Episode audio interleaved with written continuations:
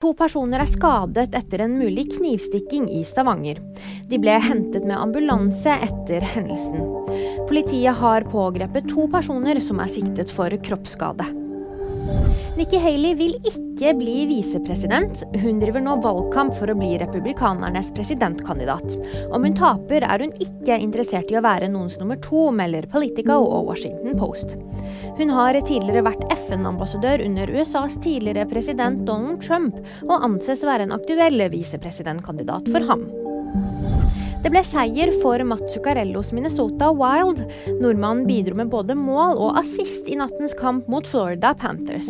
Stillingen ble 6-4 etter en intens siste periode. Det har vært en tøff sesong for Wild, som står med fem tap de siste syv kampene. Mer om dette og andre nyheter finner du alltid på VG.